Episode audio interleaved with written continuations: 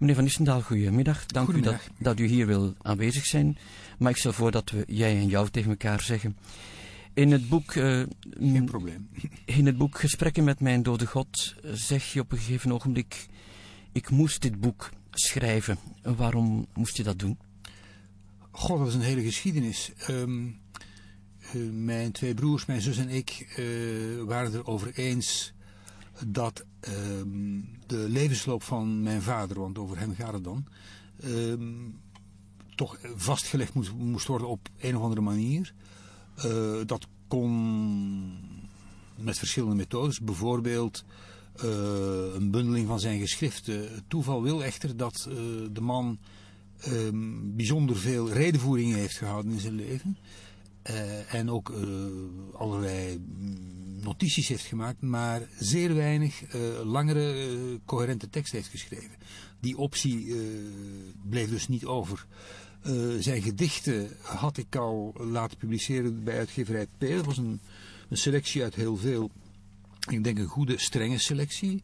Helemaal volgens zijn eigen wensen. Dat was een dun boekje geworden, dus dat hadden we al. Maar dan de rest van zijn leven. Eh, en eh, we hebben daar discussies over gehouden. Ehm, ik wilde dat ehm, mijn zus dat deed, omdat die een volgens mij zeer groot schrijftalent heeft. eh, wat ze in haar beroepsleven eigenlijk nooit al zodanig gebruikt heeft. Maar zij aarzelde. Ik aarzelde zelf zeer sterk, omdat ik iets mis wat mijn vader heel sterk had. Namelijk ehm, geloof. Mijn vader had een heel sterke verticale dimensie, ik niet.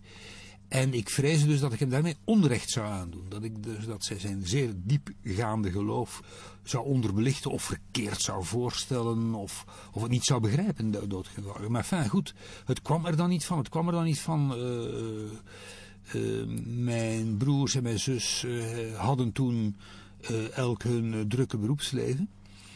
Eh, maar op een gegeven moment, eh, mijn vader was al gestorven, eh, kon de paar jaren voor zijn dood al niet meer spreken. Dus we konden hem ook niets meer vragen. Op een gegeven moment dacht ik, ja, als ik het nu niet doe, dan zullen de getuigen verdwijnen. Die zullen, dat, zijn, dat zijn mensen van zijn leeftijd, iets jonger, iets ouder. Die zullen eh, uitsterven, als het ware. Eh, ik moet dit doen. Bovendien eh, had ik dat al een en ander bestudeerd. En ik dacht, ja, dit is zeker de moeite waard. Dit is een... een als ik het niet doe, doet niemand het. Dat is duidelijk. Dus ten eerste vind ik dat dit soort ja, eh, deze tranche van de 20e eeuw eh, in herinnering mag blijven. Op een levendige manier, op een geromanceerde manier. En als ik het niet doe, doet niemand het. Dus moest hij dat boek schrijven. Je zegt ook dat het het moeilijkste boek is dat je Ja. geschreven hebt. Is dat onder andere ook omwille van het ontbreken van die, die, die verticale... Dat was een ehm, element, dat zeg je terecht. Eh, maar toch niet alles hoor. Eh, je weet, ieder kind eh, is toch ehm, op een, een heel eigenaardige manier met zijn vader en zijn moeder eh, verbonden. En je, mijn moeder was al veel langer gestorven, want zij was veel ouder dan mijn vader. In 95, mijn vader in 2003. En je, je huivert toch omdat je denkt, zal ik die mensen, en dan vooral mijn vader, wel recht laten geschieden. Eh, zij kunnen niets meer terugzeggen, zij kunnen zich niet meer verdedigen. Eh, zal ik hen niet te veel, ehm, hoe zou ik het zeggen, omvormen naar mijn beeld en gelijkenis, wat ik helemaal niet wilde. Eh, en, en dat was dus een aardsmoeilijke opdracht en ook een heel emotionele opdracht bij momenten. Niet zozeer in, in zaken dat geloof, dat laatste, maar bijvoorbeeld als het gaat over de ontluikende liefde tussen mijn vader en mijn moeder. Eh, als het gaat over ehm, de manier waarop hij zijn poëzie als het ware afgezworen heeft. Wat een heel zwaar offer voor hem geweest is. Eh, als het gaat om de manier waarop hij in, in eh, de tijd in, in Latijns-Amerika door veel grotere krachten dan wat hij meester kon in de tang genomen is. En zijn ja, bepaalde graad van naïviteit daarin. Sommige critici hebben gezegd uh, dat uh, bepaalde auteurs, onder andere ook uh, jezelf, eerst een vadermoord plegen en dan een monument oprichten voor diezelfde vader. Hoe kijk je daar tegenaan? Ja, in die zin klopt dat. Um, ik heb zeer sterk gerebelleerd. misschien iets minder toen ik de leeftijd daartoe had. en dan spreek ik nu over de typische puberleeftijd, niet waar. Dus zeg, zeg maar iets 14 tot 16, 17, 18 jaar. Bij mij is dat later gekomen. Ik ben uh, pas uit mijn puberteit geraakt rond mijn dertigste en ben er misschien nog niet helemaal uit. Uh, maar uh, dat rebelleren is heel sterk geweest. En ik heb hem dus geraakt en pijn gedaan, dat weet ik op uh, een van de gevoeligste uh, plekken. Uh, maar dat doen kinderen altijd. Maar dat geeft je ook geeft toe in het boek zelf. geeft ook toe, hè? dat is zijn, zijn geloof. Ja. En zijn geloof was voor hem niet alleen wel overwogen en wel overdacht en zeer vast. Maar ook um, verweven met een, een, een, ja bijna, hoe zou ik het zeggen... geïncarneerde verlossingsgedachte, vleeselijke verlossingsgedachte. Namelijk, hij heeft een vreselijke jeugd gehad en is daaruit gered door het geloof. Uit slagen en verwondingen, als ik het zo mag uitdrukken. Ja. -hmm. En uh, dus dat, dat kun je nooit, nooit uit iemand weghalen. Nooit. Uh, en is daar natuurlijk heel volwassen in geworden, heeft daarover nagedacht, is daar veel over gediscussieerd. Met, met, met, met uh, prominente theologen en zo.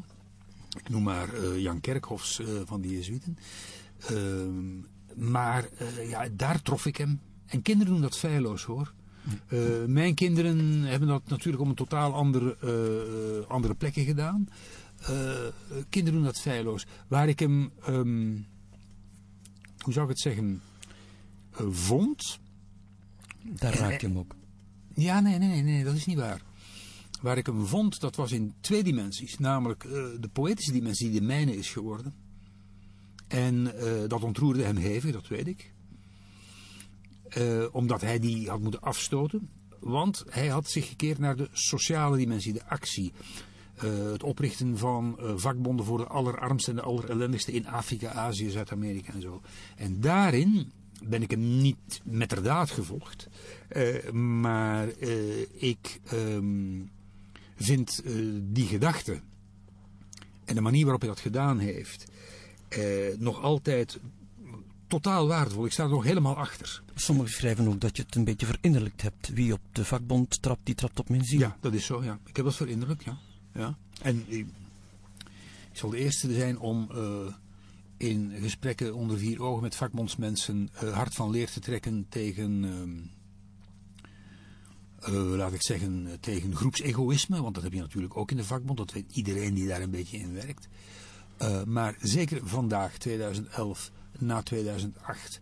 En wat we nu beleven, met wat we nu beleven als aanval op uh, de bescherming van de zwaksten in de samenleving. Die aanval is dus is afschuwelijk, is bezig. Uh, vind ik uh, dat ik het mij niet kan permitteren, moreel, mij niet kan permitteren mij af te keren van die vak. Want ik vind trouwens dat ze in heel wat van hun um, verdedigingsreflexen en, en uh, protestuitingen gelijk hebben. Mm-hmm. Zullen we misschien eens even terugkeren naar het boek? Ja. Um, je beschrijft een heel aantal situaties, onder andere de ontluikende mm. liefde tussen je vader en je ja. moeder, maar ook over de jeugd van ja. Guske in Sint-Truiden. Ja. Uh, hoe ben je eigenlijk aan al die informatie gekomen? Uh, wel, dat waren ook vragen van vooral mijn zus en ook mijn broers. Um, die, die, zei, die las dat hoofdstuk over de jeugd. Die zei, ja, maar zo erg is het toch niet geweest? Hij heeft het er nooit over gehad. Uh, inderdaad, mijn vader was daar uh, zeer terughoudend in.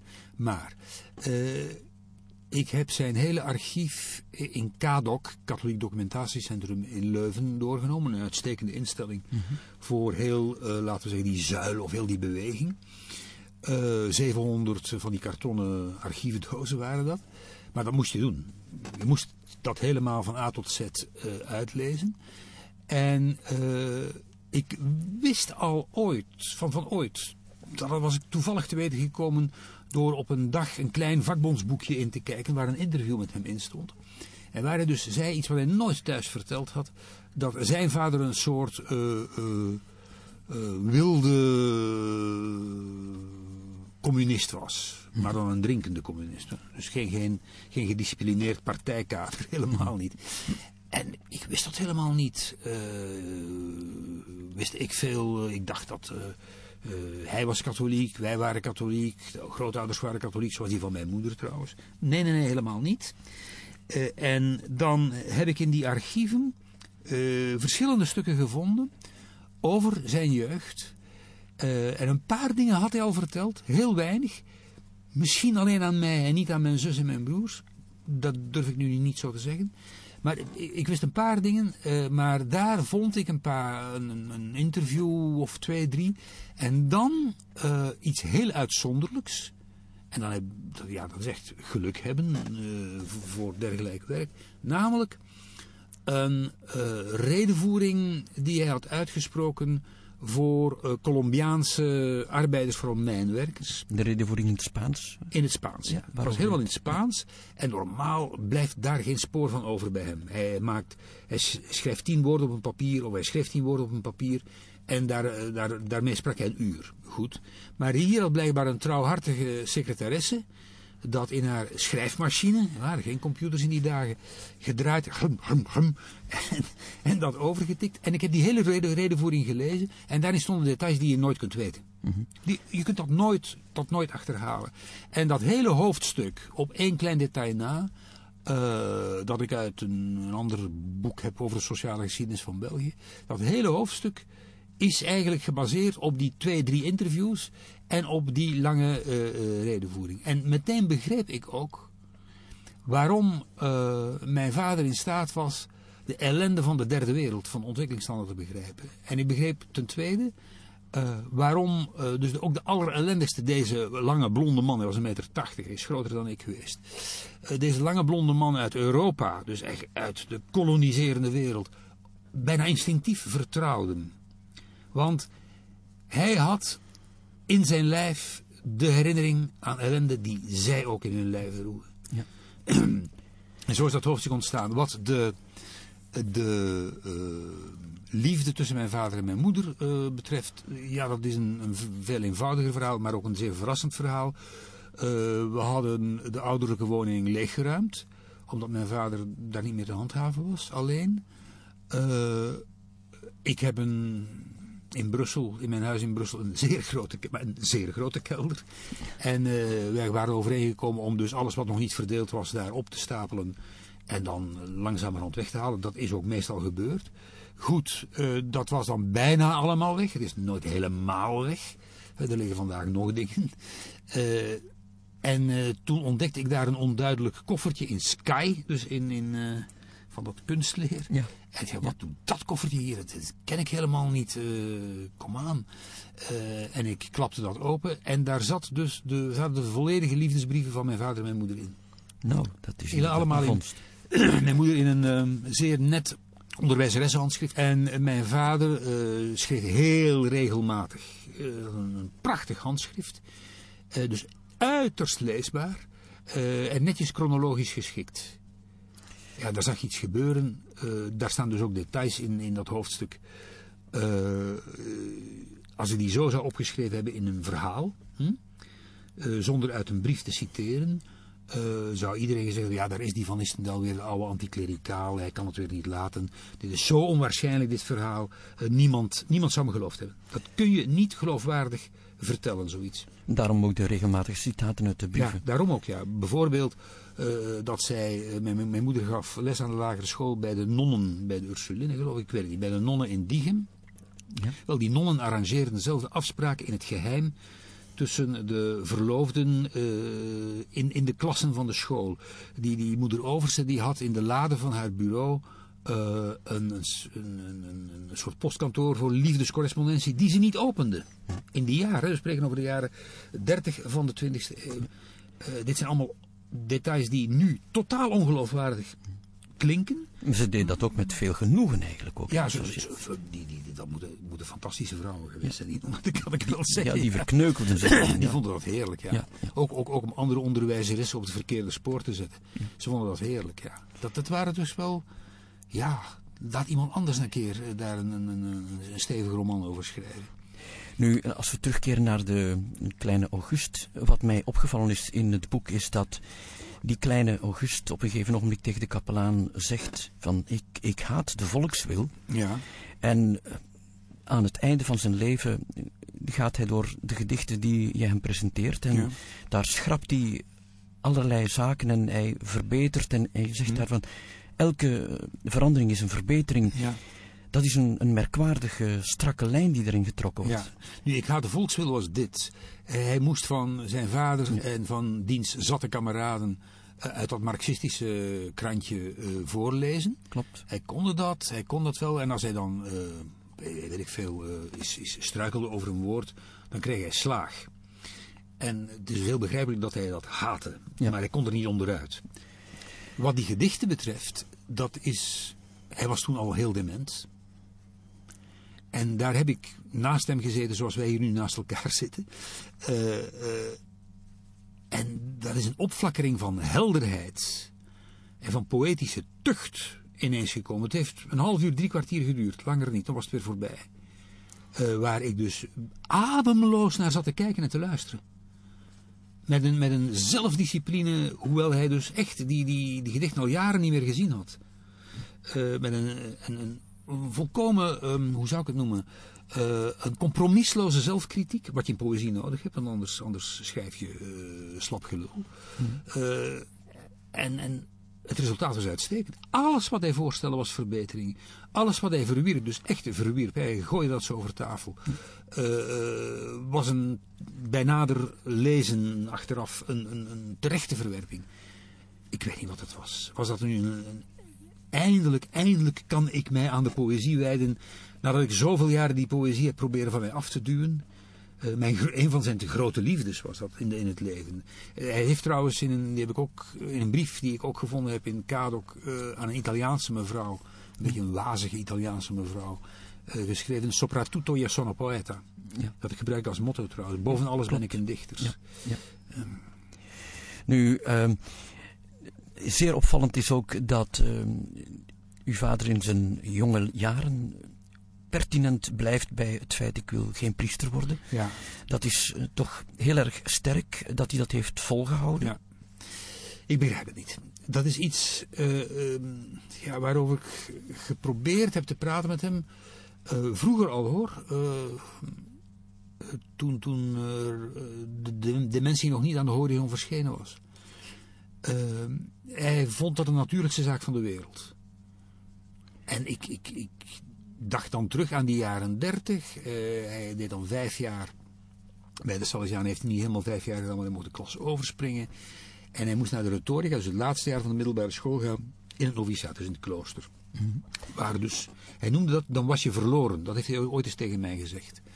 Ehm, dat een jongen van 17 jaar, die alles te danken heeft aan die Salesianen en aan de kapelaan van zijn parochie, zegt, ja, maar ik heb geen roeping. Dus uit volle overtuiging, ik heb geen roeping. Ik ben wel gelovig, ik ben wel katholiek, dus is zijn hele leven gebleven. Strijdend zelfs. Maar ik heb geen roeping. Dat getuigt van zo'n moed. Ik vrees dat ik die moed niet gehad zou hebben. Ik vrees het niet. Ik vrees dat ik eh, eh, laf toegegeven zou hebben met alle gevolgen van dien natuurlijk. Alle hypocrisie van dien. Nu, ik eh, moet eerlijk zeggen, laatst sprak ik met een, een, goede oude vriendin van mij. van wie de vader ook uit die, die vakbondszuil komt. Eh, en die man had hetzelfde gedaan. Eh, en dat was ook in de jaren dertig, laten we zeggen drie, vier, vijf jaar later dan mijn vader. Dus er waren nog wel jongens die dat deden. Er waren nog wel jongens die dat deden. Tot, tot zij dat tegen mij zei, eh, wist ik alleen van mijn vader. Bovendien, toen het boek verschenen was, eh, heeft iemand aan het eh, katholieke weekblad Tertio geschreven dat het helemaal niet zo gelopen was. Ja, kijk, eh, ik heb echt weergegeven wat mijn vader mij altijd verteld heeft. Consistent verteld heeft. Daar, daar week nooit iets van af. Dus of die, die, die briefschrijver aan Tertio beweert dat mijn vader een leugenaar was. hm? Goed, eh, ik, eh, ik, ik hou het bij het verhaal van mijn vader en ik wil dat geloven. En niet omdat ik tegen de Salesianen ben of tegen de katholieke scholen of zo. Maar omdat ik denk dat dat zo klopte. Dat, gewoon, dat klopte zo.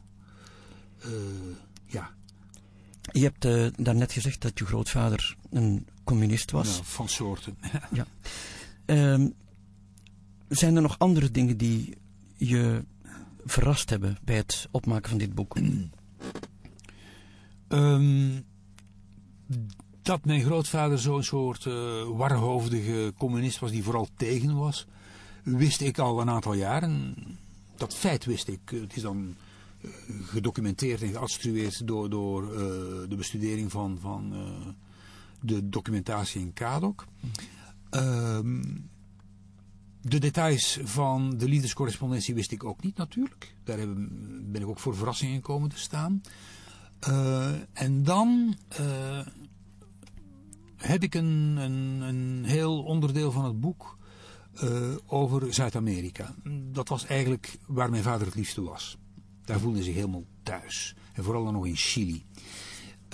en in Chili is daar iets gebeurd in de jaren 60 uh, waar um, mijn vader dus geld versluisde naar Chili.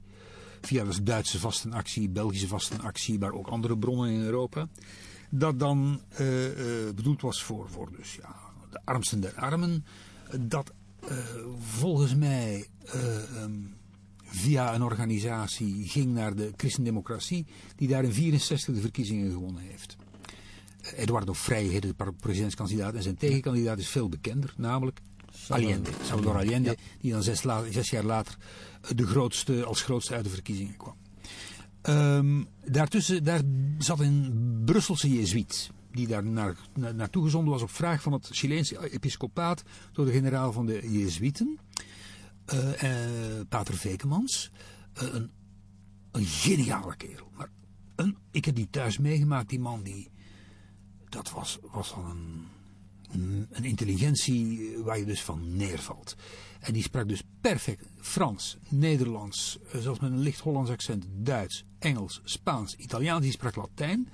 Uh, hij heeft een halve bibliotheek vol theologische traktaten geschreven in het Spaans achteraf.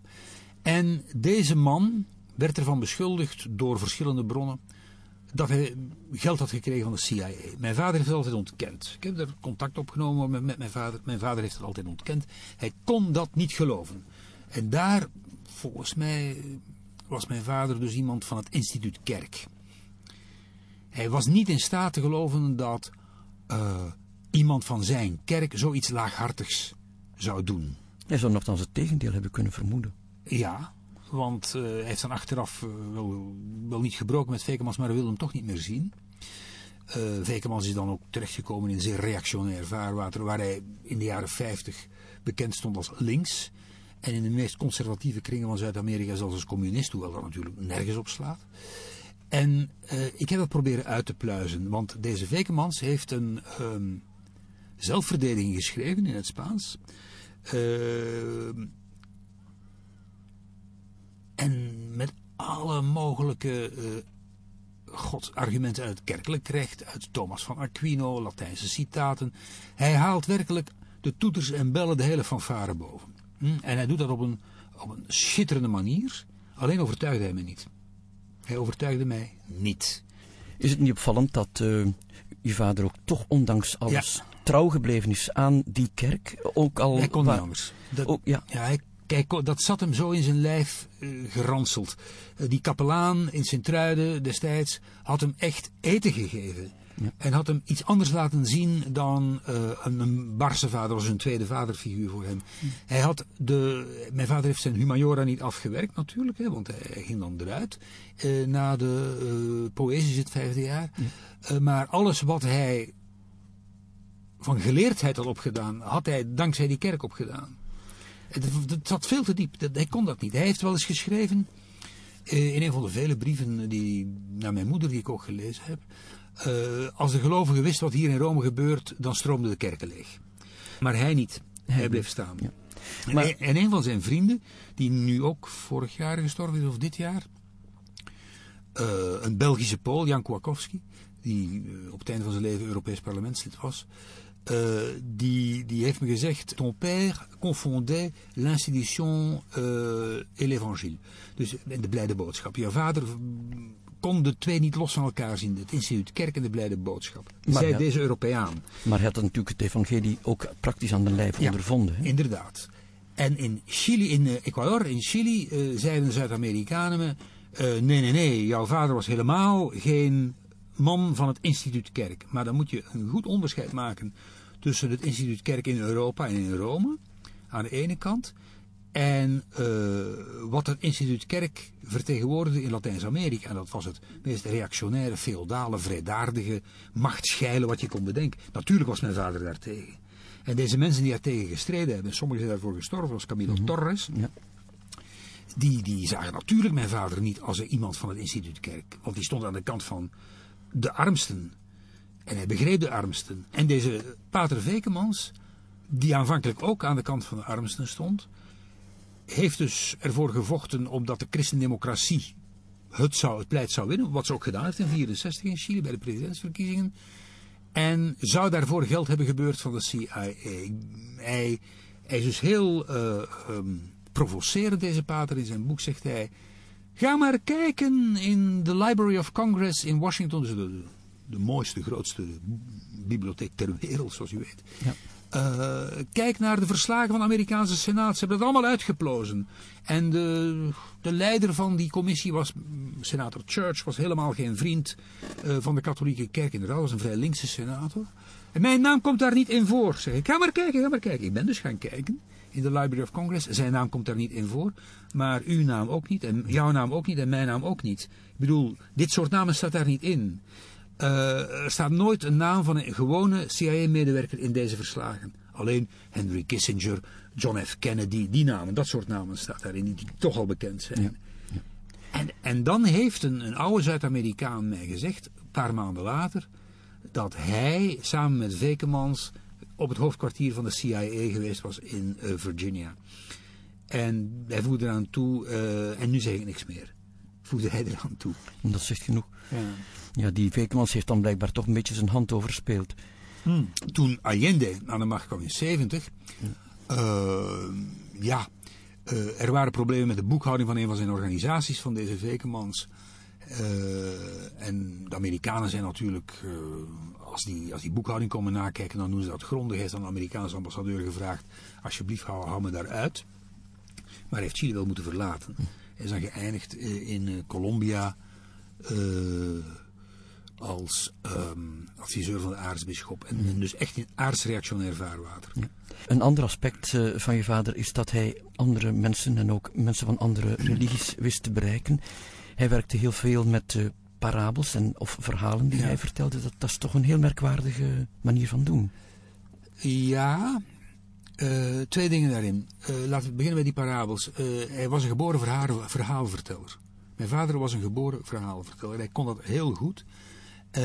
En hij had daarnaast een, een, een, een bijna niet een stuit, een nieuwsgierigheid naar ehm, de verhalen, de gewoonten, eetgewoonten, manieren van doen eh, van alle landen die hij bezocht de Afri- in Afrika alle landen, eh, vooral West-Afrika, eh, Latijns-Amerika, de Filipijnen, Vietnam. Hij, hij kon daar maar niet genoeg van krijgen. En dat hij dan, ehm, wat ik probeer weer te geven in een redenvoering voor zwarte militanten onder een palmboom, want dat is echt zo gebeurd in Afrika.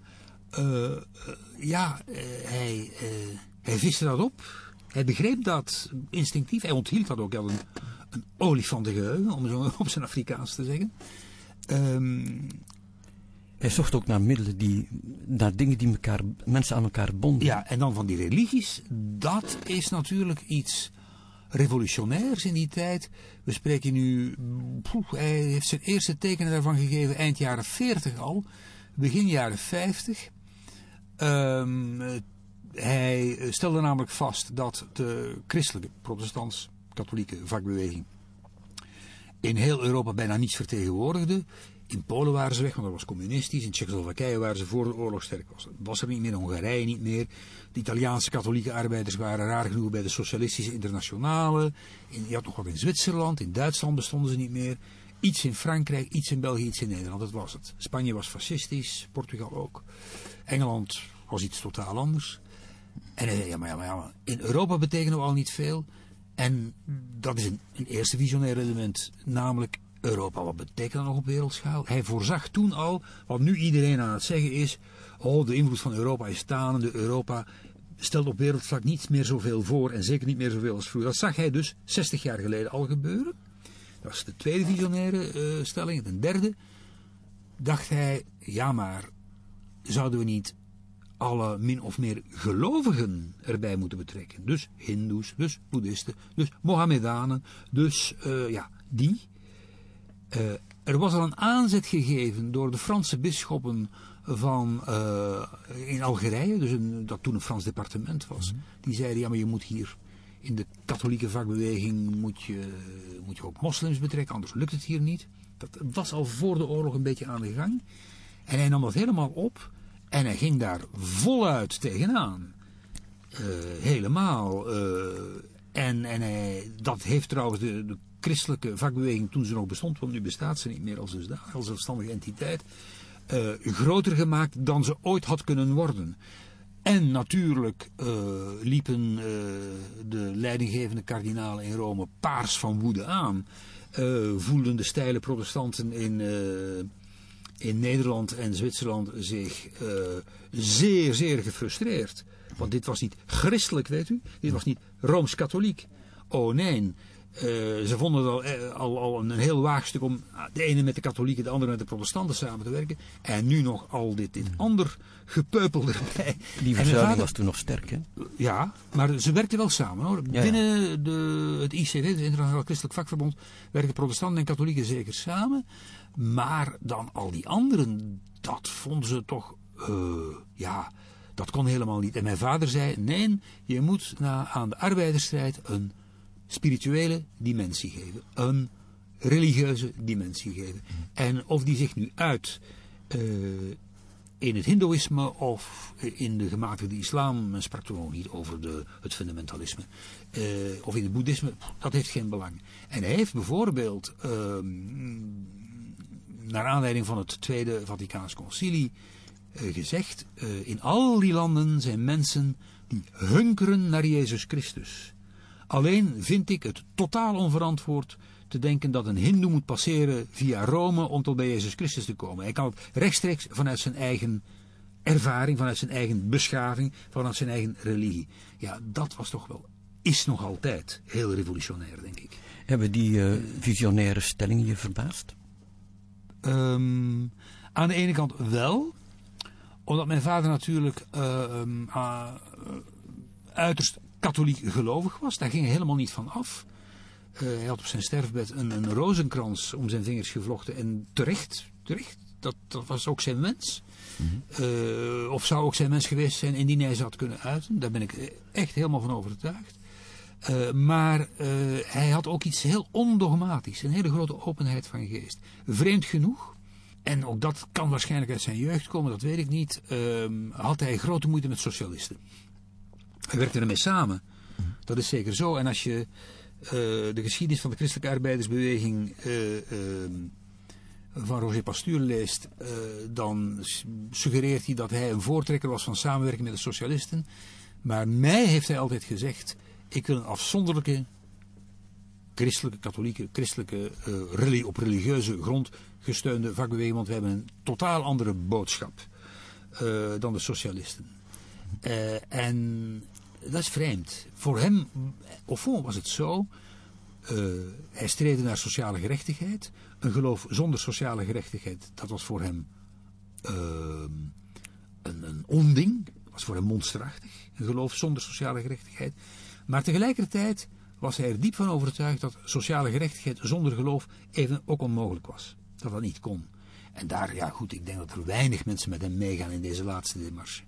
In de eerste heb ik al veel uh, geëngageerde christenen, vooral katholieken dan, gehoord die helemaal op die lijn zitten. Ja. ja. We zouden natuurlijk nog heel veel kunnen vragen over dit boek, maar ik wil er nog graag één punt mm eventjes aanhalen. Je schrijft heel erg uh, zelfs bewonderend over je vader.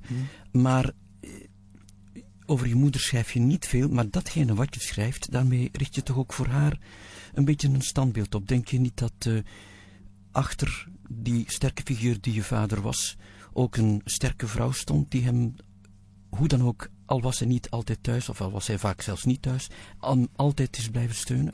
Altijd eh, is hem blijven steunen. Dat- ja, je moet dat terugplaatsen in zijn tijd. Ik denk dat het nu vrijwel on, ondenkbaar is dat zoiets gebeurt. Eh, mijn moeder was eh, eigenlijk hoger geschoold dan mijn vader, want ze had een diploma onderwijzeres. En zij werkte als onderwijzeres. Nu in die tijd was het zo, als je trouwde, eh, kon je niet meer voor de klas staan. Was het afgelopen. Zo was dat. Als je trouwde, kon je niet meer werken, blijven werken bij de boerenmond. Vrouw zijnde, wel te verstaan. Ehm, en de ACW weet ik het niet. Ik neem aan van hetzelfde.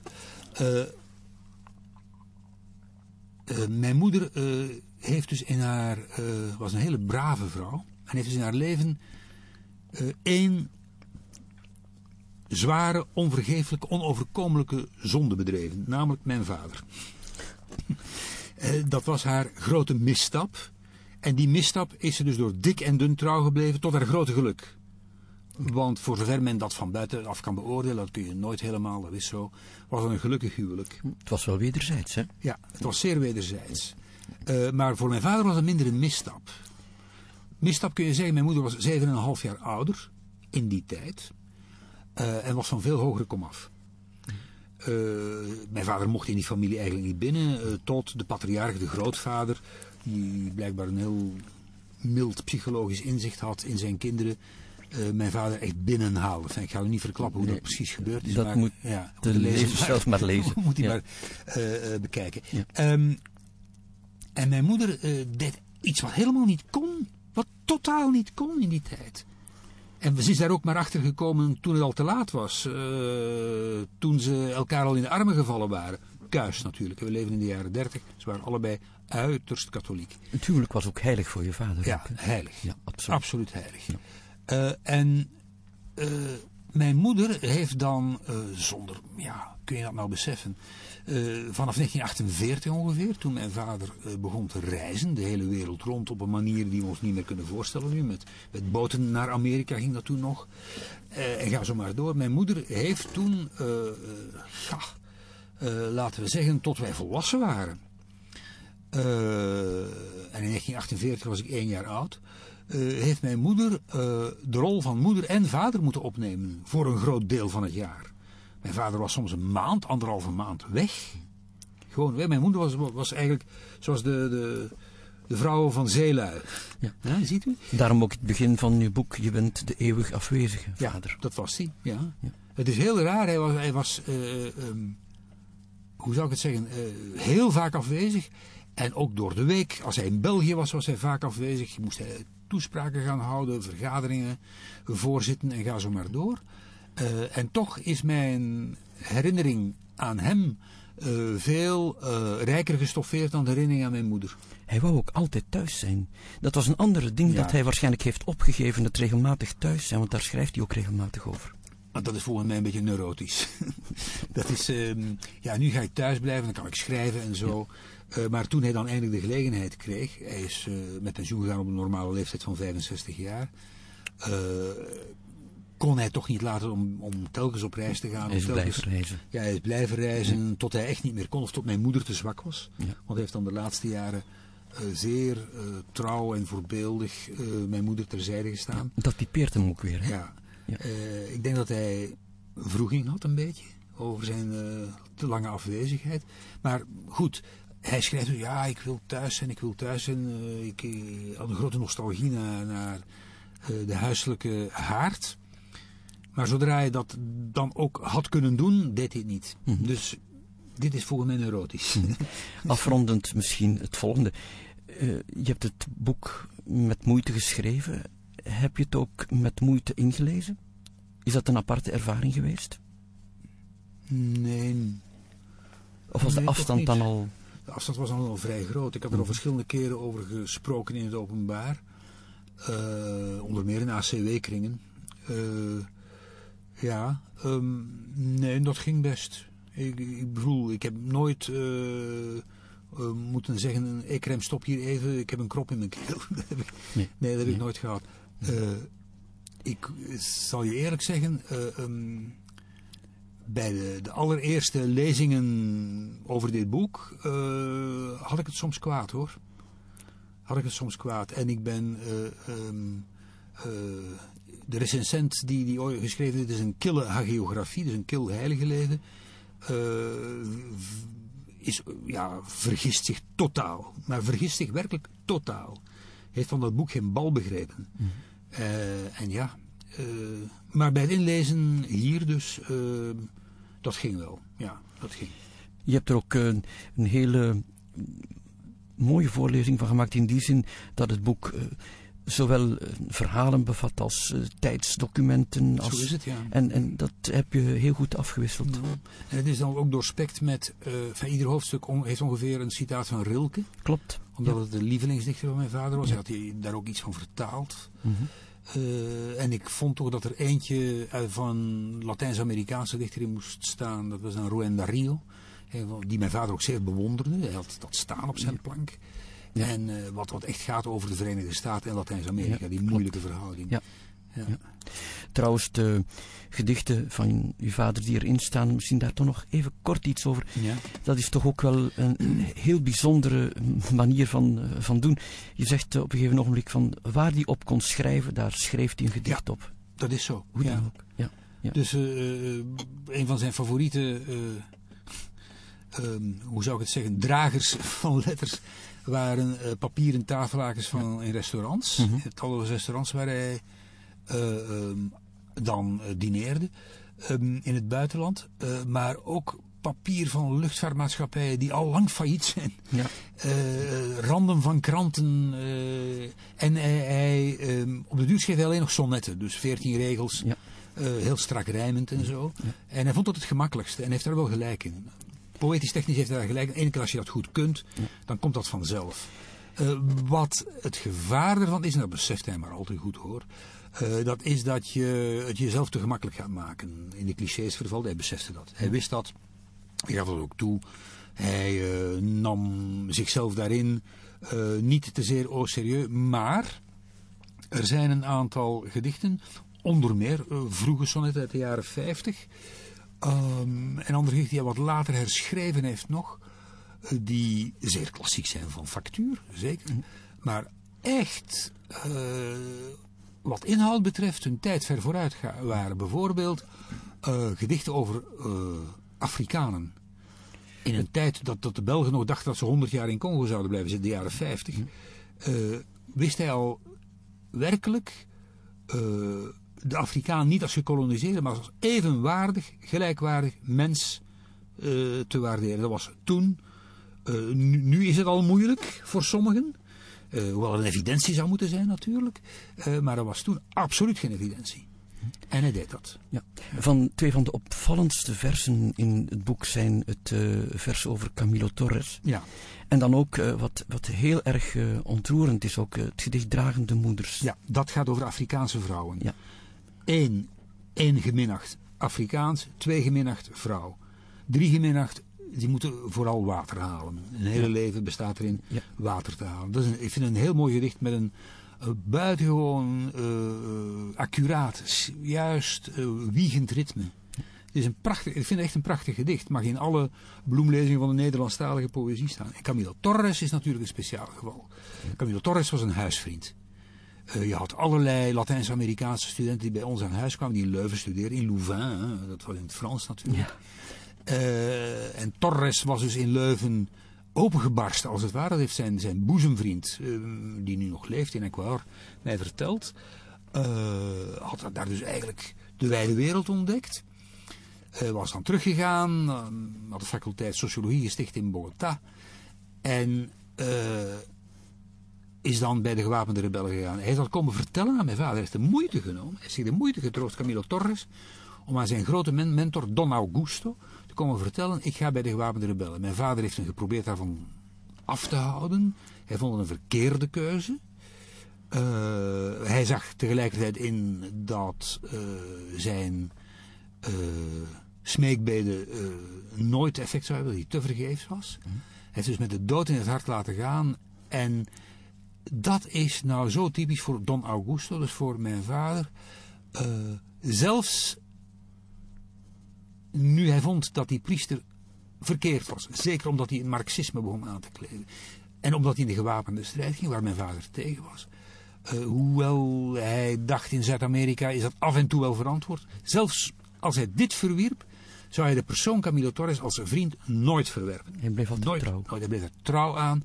Hij was daar kapot van. Hij heeft daar dan dat gedicht over geschreven, dat in verschillende talen verschenen is. Uh, en uh, iedereen die uh, achteraf een beetje smalend deed over Camilo Torres, dat hij het zelf gezocht had, of, of dergelijke domme, vredaardige opmerkingen, die werd dus zeer energiek op zijn nummer gezet door mijn vader. Die nagedachtenis aan die vriend was voor hem heilig. Goed, Geert van Istendaal, we zouden het nog kunnen hebben over de invloed van Kardijn op je vader. Zeer we zouden, groot. We zouden het nog over zoveel dingen kunnen hebben, maar ik stel voor dat de lezer zelf het boek maar eens ter hand moet nemen. We gaan het overigens ook in onze Cyclopia leeskring bespreken in maart. Mm -hmm. Gaan we het een beetje onder de loep nemen. En uh, ik zou zeggen, heel erg bedankt voor dit uh, nee, interview. Ik dank, ik dank jou. Uh, uitstekend. Ik wens u veel mooie lectuur in, in de leeskring. Dank je. Tot horen. Tot horen.